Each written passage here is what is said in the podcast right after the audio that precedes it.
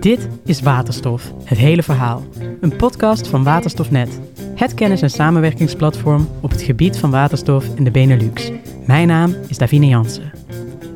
In de vorige aflevering legde Adwin Martens uit dat waterstof, net als elektriciteit, geen energiebron, maar een energiedrager is, die op verschillende manieren gemaakt en gebruikt kan worden. Maar elk proces dat nodig is om waterstof te maken, op te slaan, te transporteren of te gebruiken, kost energie en geld. Hoe efficiënt is het gebruik van waterstof dan eigenlijk? En wat kost het nou echt? Vandaag spreek ik met Ad van Wijk, professor Future Energy Systems aan de TU Delft en gastprofessor Energie en Water aan het KWR Water Research Instituut. Samen met hem ga ik op zoek naar de antwoorden op die vragen. De hele antwoorden. Welkom, uh, professor Van Wijk. Ja, dankjewel. Of ja, welkom. Ik uh, moet eigenlijk dank u wel voor, voor de ontvangst zeggen, want uh, ik, u, u, heeft mij hier ontvangen op het Green Village, Village van de TU Delft. Zeker. Ja. Dat is een hele bijzondere plek. Ja, dit is eigenlijk een, een zeg maar een, een experimenteersite voor allerlei ontwikkelingen, technologisch, maar ook zeg maar in het systeem op het gebied van duurzaamheid. Dat gaat dus niet alleen over water, niet alleen over energie, maar dus ook over water, eh, wat ik al zei. Maar ook over verschillende manieren van bouwen. Hoe kan je circulair bouwen? dus heel veel van dit soort technologieën, die kun je hier eigenlijk in een live setting uh, uittesten en ook kijken wat de reactie is. Hè. Er wonen hier mensen in, in Ja, want ik omschrijf het hele even. Er staan hier gewoon echt uh, huisjes. Het is echt een, een village, een dorpje zoals je het je voorstelt. Ja. En dan wordt hier dus uh, van alles technologisch getest. Ja, maar ook de interactie met dus de bewoners daarin. Hè. Dus bijvoorbeeld wij hebben hier over het thema waterstof... we hebben hier een waterstofleidingnetwerkje... Uh, daar gaan we deze winter voor het eerst waterstof instoppen. En dan gaan we dat met ketels en met, uh, met hybride warmtepompketels eigenlijk uh, in die woningen de, de warmte voorzien. ook met een brandstofcel. En, een, en een, gaan we dan ook warmte produceren en elektriciteit. En dan is het natuurlijk dat we dat technisch testen. En dan kijken we ook natuurlijk wat is, uh, wat is het gebruiken. Gaat dat goed? En kun je het warm uh, genoeg krijgen om maar de simpele dingen te zeggen. Maar we kijken ook naar het gebruikersgemak en wat uh, de mensen daarvan vinden. En u heeft eigenlijk ja, een cruciale rol gespeeld in het ontstaan van het hele, van het hele dorp. Ja, ik ben uh, hier de, de, de oprichter, hè, de, de stichter, zullen we zeggen. Ja, cruciale kan eigenlijk niet. Uh, ja. En dat heeft er natuurlijk ook alles mee te maken dat u hoogleraar uh, Future Energy Systems bent. Zeker, hè, dus dat, is, dat gaat natuurlijk over het brede aspect van de alle, alle, alle aspecten van het energiesysteem. Dus niet alleen uh, voor. En ook niet alleen voor, de, voor de, zeg maar de gebouwde omgeving, zoals we dat hier eigenlijk testen. Maar ook voor de industrie en voor mobiliteit en, en, dat soort uh, zaken. En natuurlijk aan de, aan de productiekant. Uh, ja, daar kijken we heel sterk naar wat, hoe kan je het produceren. Maar vooral ook hoe zit dat systeem in elkaar. En hoe kan je dus productie, vraag en aanbod eigenlijk uh, op de juiste manier bij elkaar brengen via transport en opslag. Ik hoor al dat u van uh, heel veel markten thuis bent in, uh, in het denken over het, over het energiesysteem. En toch ben ik speciaal geïnteresseerd in, in die kant van, van uw kennis die met waterstof te maken heeft. Um, want u staat ook wel bekend als de waterstofprofessor. Um, hoe komt dat, dat dat er juist voor waterstof zoveel... Ja, ja nou, kijk, als je heel simpel uh, kijkt naar een toekomstig duurzaam energiesysteem, hoe ziet dat eruit? Nou, dan moeten de bronnen allemaal uh, duurzame energie zijn. En dan zijn bij vaar de grootste, wereldwijd de grootste bronnen zijn zon en wind. Uh, en dan maak je in principe elektriciteit mee, hè, met zonnepanelen en, en, windturbines. En als je dan kijkt naar de, naar de vraagkant, dan zie je eigenlijk dat er nu maar 15, 20 procent van de vraag elektriciteit is. Die zal zeker toenemen, hè, want er zijn heel veel functies die je kunt elektrificeren. Maar er zal ook altijd nog een groot deel uh, uit nou, wat dan heet moleculen bestaan. Hè. Als je bijvoorbeeld uh, uh, kunstmest wil maken, dan heb je niks aan elektriciteit. Maar dan heb je wel waterstof nodig, onder andere, om dat kunstmest te kunnen maken. Dus moleculen. En dan is eigenlijk de manier om die, die productie bij die vraag te krijgen, daar heb je energiedragers voor nodig. Nou, uh, dan is elektriciteit natuurlijk zo'n energiedrager, want die kan je niet alleen, dat is geen bron, je kan het maken van alle vormen van eh, hernieuwbare energie, maar ook van fossiele en van de, de biogene reststromen enzovoort. Daar kan je allemaal elektriciteit van maken. Maar je kunt er ook allemaal waterstof van maken. dus al die bronnen die kunnen die twee energiedragers produceren. En dan zie je dus dat elektriciteit en waterstof, die hebben in een duurzaam energiesysteem, zijn dat eigenlijk de enige twee energiedragers naast warmte, maar dat is vrij lokaal wat je distribueert, die geen uh, eh, CO2-emissies geven als je ze uh, weer gebruikt. Dus aan de productiekant kan die nog wel CO2-emissies geven, maar dat wil je dus niet. Hè? Dus daar moet je het uit de duurzame bronnen opwekken. Maar het, het punt is dat als je, dat, uh, als je bijvoorbeeld weer van dat uh, waterstof bijvoorbeeld uh, gas zou maken, hè, koolstof, dan als je het gebruikt, dan komt er gewoon weer bij verbranding die CO2 de lucht in. En dat wil je eigenlijk helemaal niet meer, want daar is het heel moeilijk af te vangen. Dus je moet het aan de productiekant schoonmaken en dan heb je een energiedrager waar geen koolstof meer in zit. En dan kun je eigenlijk je gebruik helemaal schoon zonder broeikasgasemissies laten plaatsvinden. Dus als ik het goed begrijp, hebben wij in ons uh, toekomstig energiesysteem uh, zowel groene elektriciteit als groene waterstof nodig. Absoluut. En, maar dat is niet alleen voor de. Uh, hè, dus ik vertelde net van je hebt een deel van de vraag die natuurlijk moeilijk is te elektrificeren, zoals het heet. hè, hard to abate sectoren, zoals de industrie, de zware mobiliteit en zo. Maar de andere waarom je dat eigenlijk doet, is hè, die elektriciteit.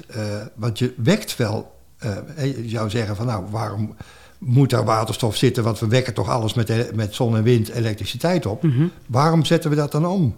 uh, ja, want hier komen we eigenlijk precies op de, op de kern ehm, van, van, het, van het thema dat ik toch aan u wilde voorleggen als, als, als onderwerp voor dit gesprek. Um, een van de, van de belangrijkste vragen die mensen hebben is, of, of, of uh, twijfels die mensen hebben, is: het is toch helemaal niet zo efficiënt om waterstof te gebruiken. Je hebt al elektriciteit, dan moet je dat eerst gaan omzetten in waterstof. Moet je het ook nog gaan bij elkaar drukken en, en vervoeren en zo. En dan weer gaan omzetten naar elektriciteit vaak. Daar gaat gewoon heel veel energie bij verloren in dat hele proces. Waarom zouden we dat doen? Dat is toch niet efficiënt? Inderdaad. Kunt u dat, misschien. Dat is inderdaad een, een, enorm belangrijke vraag. En ook vaak uh, wordt dat misverstaan in hoe je naar het systeem kijkt. Kijk, het zou zo zijn als je alle elektriciteit goedkoop met duurzame energie eigenlijk beide vragen zou kunnen opwekken. Mm dan zeg je van waarom zou ik het niet als elektriciteit gebruiken. Zelfs dan heb je nog een probleem, want dan, is, heb je de intermittency van de, uh, van, van de productie. Hè, dus je moet het ook feit dat het niet altijd waait of, of, niet altijd de zon Nee, precies. Maar wat is nou eigenlijk, als je naar het totale systeem kijkt, dan zie je dat nou, in Nederland, in België, eh, maar eh, eigenlijk in heel Europa, eh, zie je dat wij niet beschikken over zulke hele goede bronnen van zonne-energie en ook niet van windenergie.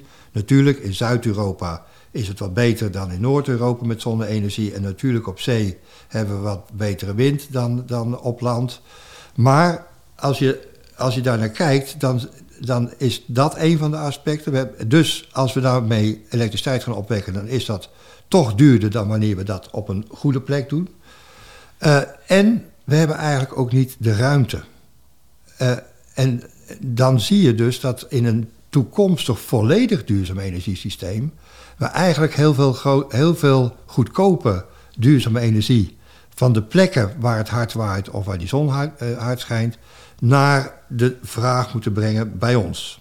Op het juiste tijdstip. Dat ook nog eens. Hè. Dus dan kun je er bijvoorbeeld aan denken, eh, om maar eens een voorbeeld te noemen, eh, in eh, Noord-Afrika ja, is het toch nog weer eh, een stuk eh, meer instraling dan in eh, Spanje bijvoorbeeld. daar heb je nu voor ongeveer 1 cent per kilowattuur kun je stroom produceren. Uh, nou, als we nu naar, naar Nederland kijken en we kijken naar de zonneparken die we hier bouwen, dan is dat 8 cent per kilowattuur. Er wordt dan wel subsidie op gegeven, zodat het eigenlijk kan concurreren met de fossielen. Maar het kan niet zonder, uh, uh, zonder die subsidie, want de kolencentrales hier die produceren voor 5 cent per kilowattuur. Nou, 1 cent, 8 cent, 5 cent. En dan zou je denken van ja, dan gaan we natuurlijk een elektriciteitskabel uh, aanleggen. Ik wilde het bijna zeggen. Van, vanuit, uh, vanuit Afrika naar, uh, naar Nou, maar dan komt eigenlijk waar de, de reden waarom je het omzet. Want als je dat omzet, heb je natuurlijk wel 20% verlies hè, van de elektriciteit naar waterstof. Ja. Maar dan heb je veel goedkopere transportkosten. En die transportkosten die zijn wel ruwweg, als je een nieuwe pijplijn zou aanleggen en een nieuwe kabel, zijn die zo'n factor 10 zit daartussen. Dus het is een factor 10 goedkoper om, uh, om uh, nou, waterstof of aardgas te transporteren via een pijplijn dan uh, elektriciteit in de kabel. En boven... Waar komt dat door dat dat zoveel goedkoper is? En precies, laat ik dan ook nog even de systeemdimensies aanleggen. Het komt er natuurlijk. Het simpele feit is natuurlijk: je gaat een molecuul door een holle pijp transporteren en uh, elektriciteit uh, transporteer je door een materiaal. Hè, dus naarmate je dus die pijp groter maakt, kan er ook veel meer, veel meer doorheen. Mm -hmm. En dan zie je dat de kosten niet natuurlijk lineair oplopen, maar die, dat is eigenlijk uh, logaritmisch lopen die op. Dus het is ook alleen maar waar als je kijkt naar de huidige dimensie van ook het aardgassysteem, dan zie je dat een pijplijncapaciteit zo'n beetje 20 gigawatt is. Hè, dan praat je over uh, 40, 42 inch uh, diameter pijpleidingen. En, uh, en dat is een normale capaciteit. Maar kijk je nu naar een kabel, dan heeft hij eigenlijk maar een capaciteit van zo'n 2 gigawatt. Eén, eigenlijk één, maar we zien nu de nieuwe kabels 2 gigawatt. Ze zijn zelfs wel wat groter. En dan zie je dat als je daar naar de materiaalkosten kijkt, maar ook uh, naar de verliezen en allerlei andere dingen. Hè, want je hebt aan de ene kant moet je het comprimeren, maar dat weegt meer dan tegen uh, op dat je het, uh, bij elektriciteit eigenlijk het verlies hè, door, door weerstand want, hebt. Want ook door kabels, elektronen ja. duwen. Hè, dus, dus daar zie je eigenlijk dat dan die kosten. en kijk, je ziet heel veel vergelijking dat mensen zeggen van oké, okay, ik vergelijk een 1 gigawatt elektriciteitskabel met een 1 gigawatt pijplijn. Dat is niet een goede vergelijking. Dat is, hè, want dan is het relatief net zo duur. Maar het is eigenlijk die 20 gigawatt moet je met 10 kabels van 2 gigawatt vergelijken. En dan zie je dat het, die factor 10 eigenlijk ertussen zit. Omdat je het eigenlijk, doordat je die buis groter maakt, kan je er wat meer in doen. Maar dat, is, dat betekent dus niet dat het allemaal materiaal is wat erin zit. Hè. Je hoeft alleen maar die buitenkant van die buis te hebben. En zo werkt eigenlijk ook het huidige systeem. Hè. We winnen gas in uh, Algerije en in uh, Rusland en in Noorwegen. En dat wordt dan met pijpleidingen nu ook al naar uh, Europa gebracht. Naar Nederland, naar Duitsland. en dat zijn allemaal, dus als je ook al vanuit Zuid-Afrika kijkt, of Noord-Afrika kijkt met die gaspijpleidingen, daar ligt al een capaciteit hè, van vijf pijpleidingen eigenlijk, vier, vijf, van 60 gigawatt, 60.000 megawatt. En die kunnen we ook nog eens hergebruiken. Dus dat is nog een andere punt. We hebben in Europa een gigantische gasinfrastructuur, dus die factor 10 gaat voor nieuwbouw, vergelijking. Mm -hmm. Maar eigenlijk hebben we het al liggen. En dat maakt het nog interessanter, ook economisch interessanter, om eigenlijk dat her te gebruiken. Want je hebt het sneller, het ligt er al. Je hoeft niet al die vergunningen aan te vragen. En je kunt, en dat is ook wat er nu gebeurt, zo'n systeem wordt eigenlijk nu op basis van het huidige gassysteem wordt nu één pijplijn ook door Europa eigenlijk 40.000 kilometer aangepast om waterstof aangepast te, uh, om uh, waterstof te vervoeren. Maar om, om dus te begrijpen waarom die efficiëntie, die energetische efficiëntie eigenlijk ja. niet, niet belangrijk is, moeten we dus groter denken. Moeten we denken ja. aan wat hebben we nou in, in zijn geheel nodig ja. en, en waar kunnen we dat maken? Ja, dus als je daar naar kijkt, uh, ik heb in mijn in, in, een boek Solar Power to the People eigenlijk wel eens een, een hele simpele vergelijking gemaakt. Uh, stel dat je een, zonnepaneel op je dak neerlegt hier. Uh, en je wil, uh, nou, ik heb dan gezegd 100 kilowattuur thuis gebruiken. Nou, ga ik er even vanuit dat je dat altijd kunt gebruiken. Nou, of ik leg dat, diezelfde zonnepanelen in de Sahara neer en ik ga de omzetting naar waterstof doen, in een schip stoppen en, enzovoort. En dan ook weer hier omzetten naar elektriciteit en dan hier gebruiken dan is mijn aanname geweest dat ik voor 1 cent per kilowattuur in die woestijn kon uh, produceren. Destijds toen ik het boek schreef, in 2017 was dat nog niet zo, nu is het zo. He, en dan zie je dat als je datzelfde zonnepaneel hier neer zou leggen, ja, dan heb je twee tot drie keer zo weinig opbrengst. Uh, dus dan wordt het al twee tot drie cent wat je hier hebt. Mm -hmm. en we hebben, en je, je Gewoon omdat veel, er meer zon, zon is daar. Dus meer zon. En je hebt eigenlijk ook nog het ja, veel kleiner systeem, dus twee tot drie keer. Dan zie je dat als je het daar voor 1 cent, dan is hier zeg maar ruwweg tussen 5 en 9 cent kunnen we dat produceren. Nou, dat zie je ook met de huidige parken is dat zo, maar nog niet met die systemen op Doordat het er minder zon is en doordat het een Door kleiner... dat kleinere systeem, hè, dus daardoor zijn de kosten per, eh, Ah, omdat je per het daar systeem... grote, grote schaal kunt ja, neerleggen. Ja, precies. Daar zijn het, is het eigenlijk veel goedkoper door. Ja, Maar ook, laten we, als je dat eh, hier vergelijkt, eh, de landkosten zijn, eh, zijn een stuk goedko- goedkoper in de Sahara dan hier. Maar dat hebben we allemaal niet zo, zo meegenomen. Maar ook arbeid en allerlei andere dingen zijn natuurlijk goedkoper. Daarom is het daar ook een stuk goedkoper dan hier. Niet alleen het verschil in de productie, maar ook het verschil in allerlei andere kosten. Nou, dan zie je dus net 5 tot 9 cent. Dan ga ik al die omzettingen doen. En dan zie ik dat ik ook ongeveer tot, tussen de 5 en 9 cent kom. Thuis afgeleverd die elektriciteit met de omzetting naar waterstof, transport per schip zelfs, hè, dus niet per pijplijn, want dat is eigenlijk nog goedkoper. Omzetten met een brandstofcel en dan ben ik ook de 5 tot 9 cent. En dan heb ik eigenlijk die stroom ook nog dag en nacht, zomer en winter. Dus je ziet dat het eigenlijk niet om die energie-efficiëntie gaat, maar om de energiesysteemkosten. Maar nou de vraag: hoeveel zonnepanelen heb ik nou in de Sahara meer neergelegd? Want natuurlijk heb ik die efficiëntieverliezen. Dus om 100 kilowattuur te krijgen, blijkt dat ik 250 kilowattuur in de Sahara moet hebben opgewekt. ja. Staan daar nou meer zonnepanelen dan op mijn dak? En het antwoord is nee. Dat Maar ongeveer- minder zon. Of, en- Omdat je dus van diezelfde zonnepaneel, zeg maar, die, die factor 2,5 meer opbrengst hebt. Juist. Dus als wij nou eens even kijken naar niet op elektriciteit dat doen, maar je moet altijd de energieefficiënties eigenlijk aan de, via de bron doen. Dus En- we moeten de zonnepanelen neerleggen waar ze het meeste opbrengen. En nou, dan- je, mag, je moet best ook zonnepanelen op je eigen dak neerleggen. Oké, dat is, geen, dat is niet, niet fout of zoiets. Maar als je naar het grotere systeem. Ik liet alleen maar dit voorbeeldje zien. Om te laten zien dat je aan kosten ongeveer gelijk uitkomt. maar dan ook nog de opslag en de, eh, in feite hebt geregeld. En je, wat je daarmee laat zien is dat je in zonnepanelentermen get- geteld. eigenlijk niet meer zonnepanelen neerzet, omdat ze daar meer opbrengen. Dus wat is nou energieefficiëntie? Laat ik dat ook nog wat anders eh, eh, uitleggen. Ehm, wij hebben zonnepanelen op ons dak en die hebben zeg maar een rendement van het omzetten van het zonlicht naar, eh, naar eh, elektriciteit van 20%. Nou zijn er zonnepanelen die hebben wel een rendement van 40%. Gallium arsenide, zonnecellen, gebruiken we in de ruimtevaart. Waarom leggen we die niet op ons dak? Die zijn toch efficiënter? maar ook een stuk duurder, denk ik. Precies.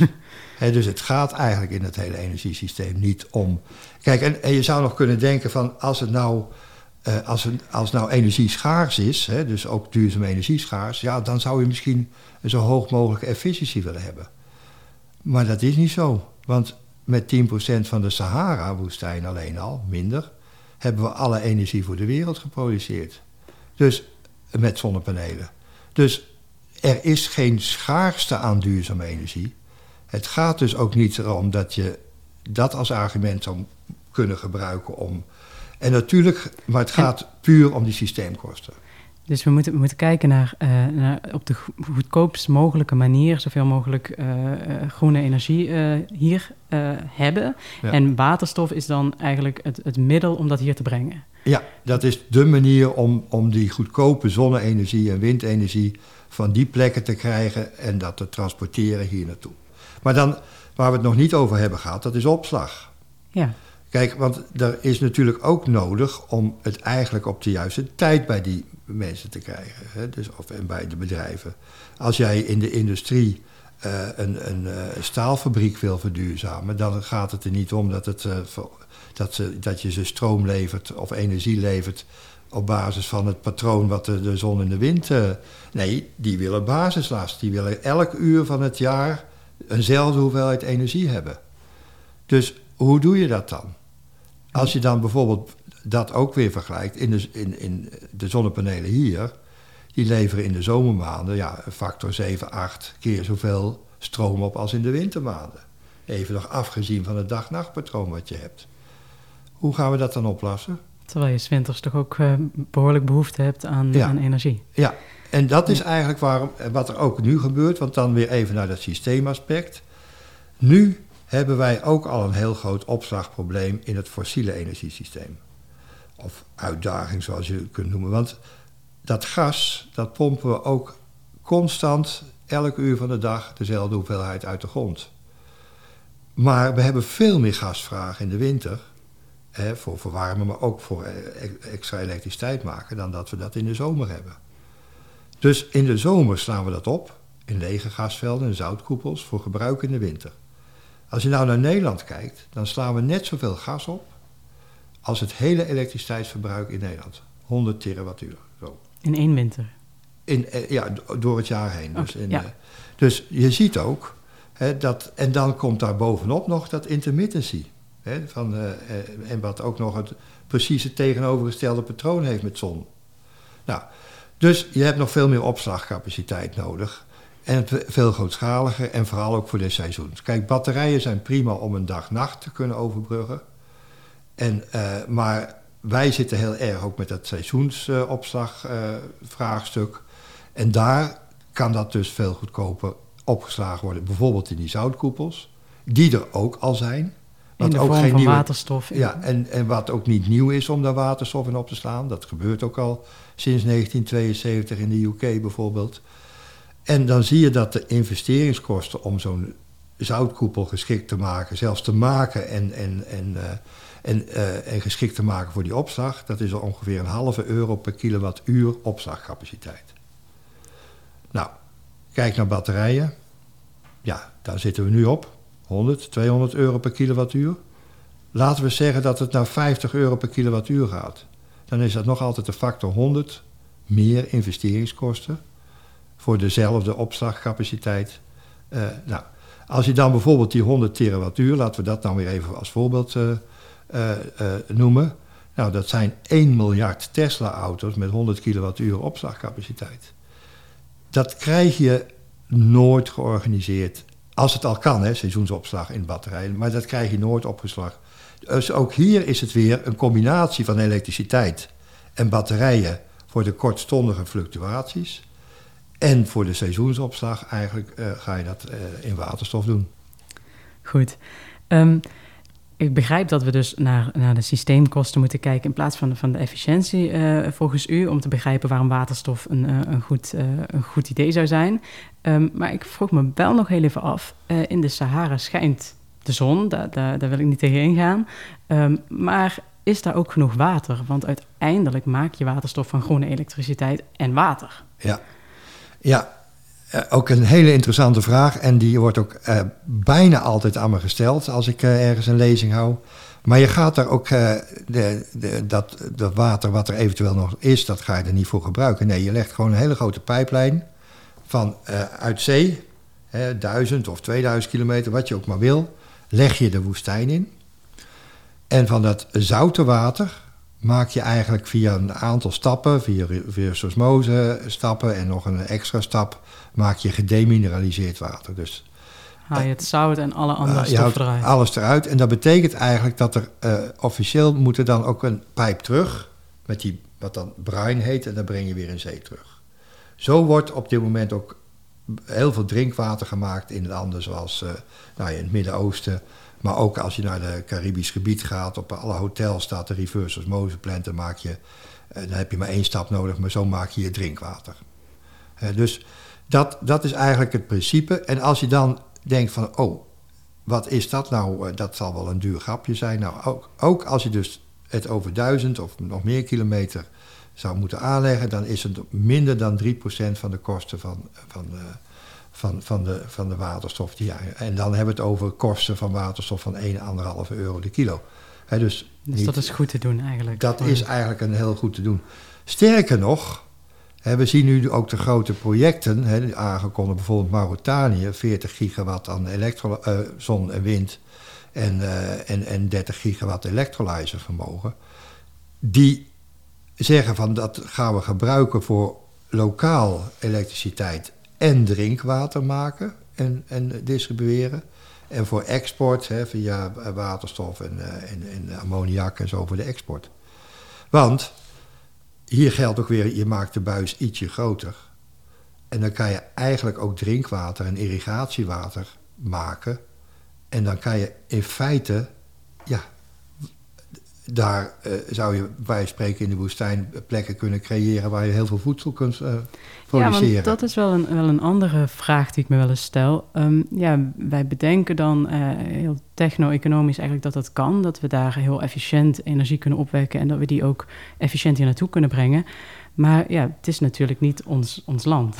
Nee. um, Hoe, hoe, ziet, hoe ziet u dat? Hoe ziet u die sociale aspecten? Misschien ook... Ja, ja um, geopolitiek, wordt er natuurlijk uh, vaak uh, over um, gesproken. Ja. Uh, het, het, voelt soms een, een, beetje wrang om te zeggen... we, we leggen wel even de, de, de landen vol daar ja. met, met, met zonnepanelen, maar... Het, ja. nie, het nieuwe neocolonialisme. Nou ja, dat argument wordt wel, wel genoemd, ja. Nee, maar dat, en, en ook dat is natuurlijk weer een terecht punt... wat je goed moet bediscussiëren. En wat je zeker niet moet doen op de manier zoals we dat vroeger hebben gedaan met uh, nou ja, de landen leegroven. Maar eerlijk gezegd, dat, dat verhaal hebben we in 2019 ook al opgeschreven. Ja, we hebben niet de ruimte, we hebben niet de resources, we zullen het moeten importeren. Wat we overigens nu ook met onze uh, fossiele energie doen. In Europa importeren we meer dan de helft van onze energie natuurlijk. Ja. of dat nou van Rusland of van Saudi-Arabië of van, uh, van Libië of uh, Algerije komt. Daar importeren we dat van. Nou, datzelfde zullen we moeten gaan doen met onze duurzame energie.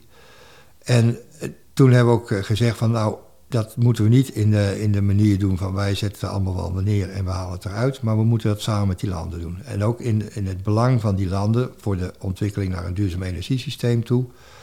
Maar het interessante is, het geeft die landen een nieuw exportproduct. En als je dat dus op de juiste manier doet, hè, dan kun je dat land ook economisch, ook eh, qua werkgelegenheid, eh, veel verder ontwikkelen. Dat zie je ook dat nu Marokko en Egypte bijvoorbeeld in Noord-Afrika dat ook eh, duidelijk hebben begrepen. En ook dit als een van de nieuwe exportproducten zien. En nou ja, toen schreef ik in dat paper, en als we dat gezamenlijk doen, hè, op de juiste manier, misschien helpt het ook nog wel tegen de immigratie. Dus en dat, de juiste manier is dan zorgen dat, dat die opbrengst ook verdeeld worden en niet terechtkomen bij één. Precies. dus eigenlijk kun je dat niet doen door, daar, door te zeggen van nou, uh, nou ja, ik noem maar even bijvoorbeeld de Shell, van jij gaat dat daar maar uh, lekker alleen maar vandaan halen en uh, voor ja. de rest is het voor elkaar. Dat moet je niet doen. Dus je moet daar heel goed over nadenken. Ja. Nou, dat was ook de reden dat de Europese Commissie, in, die in december 2019 is geïnstalleerd, voor de eerste keer niet op bezoek ging naar, bij de Verenigde Staten of naar eh, China, maar die zijn toen naar de African Union op bezoek geweest. En die hebben toen eigenlijk met de African Union gezegd: wij willen graag met jullie samenwerken op dit gebied. En die hebben toen een, eh, een Energy Pact with Africa gemaakt. Dus niet voor Afrika, zoals we dat vroeger deden, of eigenlijk heel vaak ook nu nog doen maar with Afrika. En dat is eigenlijk de manier waarop je dat moet doen. je moet het in, in andere verhoudingen, maar ook uh, in samenspraak doen en niet zoals we dat vroeger deden. En dat brengt me eigenlijk op, op een vraag die ik, eh, die ik mezelf toch al een tijdje stel. Ik heb een, een tijdje in Brussel rondgelopen in, de, in de waterstofsector van, van, van de Europese Commissie ook. En um, dat was in een periode dat, uh, dat uh, Eurocommissaris Frans Timmermans uh, eigenlijk um, vertelde dat er een, een, Europese waterstofstrategie moest gaan komen. Ja. En um, ik weet niet of ik mij dat zelf heb wijsgemaakt of dat dat iemand mij heeft ingefluisterd, maar is het waar dat u eigenlijk het brein bent achter de waterstofdromen van Frans Timmermans? Nou, dat zal ik natuurlijk nooit over mezelf zeggen. Maar kijk, het punt is dat ik in september 2019 een paper heb geschreven. Uh, Hydrogen the, the Bridge Between uh, Africa and Europe. En waarin ik het verhaal wat ik net vertelde eigenlijk schetste. Hè? Dus als we dat samen doen en ook nog... Uh, en we kunnen het niet alleen. Hè? we hebben import nodig. Nou, laten we dat dan doen met onze directe buren.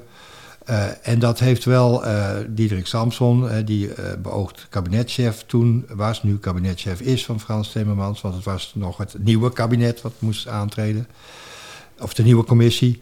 Uh, dat heeft hem geïnspireerd en ook wel Frans Timmermans voor uh, ja, zijn uitspraken die hij heeft gedaan uh, voor de hearing bij het, bij het Europees Parlement. Ja, want als ik het me goed herinner, heeft hij ooit gezegd: Ik droom van ja. waterstof produceren in Afrika ja. en dat dan hier naartoe brengen. En dat ook nog via de bestaande pijpleidingen die er al liggen. En nou ja, dat heb ik toen in dat paper allemaal wel beschreven. Dus, dus hij heeft ergens er... wel een beetje geluisterd of het uh, wel gezien uh, ik, ik, uh, ik, Nee, hij heeft zeker dat paper ja, bestudeerd. Ik breng u in een lastige positie. Ja, ja. Ik, ik weet genoeg en ik denk de luisteraars ook.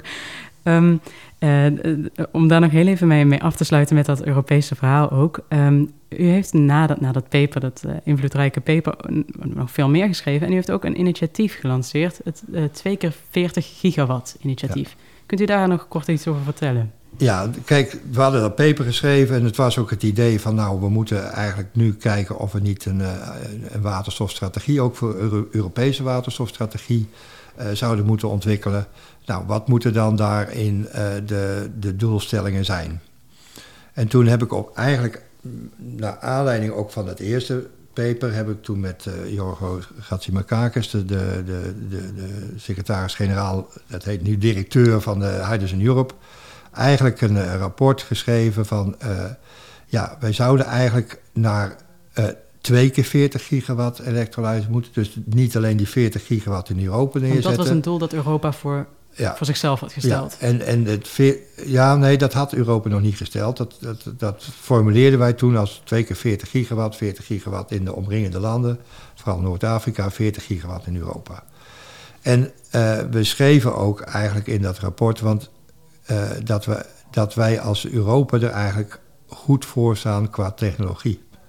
Want als je naar de electrolyzer technologie kijkt, die eigenlijk al een oude technologie is, want die gebruiken we al heel veel, maar dan niet om waterstof te maken, maar om chloor uit zout te maken. Dan zie je dat Europa eigenlijk ja, leidend is in die, in die chloorelektrolyse, om het maar zo te zeggen. Met belangrijke bedrijven en ook ja, zeker een, een, een leidende positie in de, in de wereld had, heeft. Uh, maar als we geen ambitieuze doelstellingen zouden stellen. En ook niet daar. Hè, en een van de, de, de punten was van kunnen wij die leidende positie nou niet uitbouwen en verder gebruiken om uh, ook die waterstofproductie. Dat is een leidende positie in, ja. in de technologie, ja. niet per se in de productiecapaciteiten die geïnstalleerd nee, zijn. Nee, maar wel in de technologie. Ja. En, dan, uh, en dan is het interessant, zouden wij nu eens een keertje niet die race om de zonnecellen-technologie aan China moeten verliezen, maar hier eens een keertje een speerpunt van maken. En dat is ook wel een van de belangrijke dingen geweest, om dus bold, hè, ambitieuze doelen te stellen He, want uh, zo'n 40 gigawatt, zeker toen dat doel gesteld werd, was natuurlijk toch wel uh, behoorlijk ambitieus, om het maar zo te zeggen. Ja, dat, even de, de context, wat staat er nu ongeveer in, in Nederland nou, ik denk dat er alles bij elkaar een, een, misschien een 10 of 20 megawatt staat. Hè? Ja. Uh, dat is nog op een hele andere schaal. Dat is nog op een ja. hele andere schaal. En, uh, en, en, dat betekent niet dat dat niet kan. Maar kijk, ook die structuur van een electrolyzer lijkt heel erg op een zonnecel, om het maar zo te zeggen. Het is een uh, cel, elektrolysecel. Als je meer nodig hebt, dan stapel je die cel op elkaar. Daarom noem je dat geen module, maar een stack, een stapel. En als je dan nog meer hebt, zet je dan meer. Het is niet iets wat draait, mechanisch, hè, zoals een windturbine. Het is ook niet iets wat hoge temperaturen werkt. Dus het is in principe een, vrij simpele technologie die makkelijk te, uh, door massaproductie goedkoop wordt. Dus, en dat is eigenlijk het, het, uh, wat, je, wat je voor ogen moet houden. Dus je moet je capaciteit heel snel opschalen. En daardoor wordt het goedkoop. Dus moet je ook een, een hoge doelstelling hebben. He, want als je Zowel daar zou, binnen Europa als ja, daarbuiten. Ja, want als je zou zeggen, nou laten we in 2030 5 of 10 gigawatt. Ja, dan blijft het jarenlang eigenlijk veel te, veel te duur. Die tijd hebben we niet. Nee, en die tijd hebben we niet. Hartelijk dank voor het gesprek, professor. Ja, graag gedaan. Dit was een aflevering van Waterstof, het hele verhaal. Bedankt voor het luisteren en graag tot de volgende keer.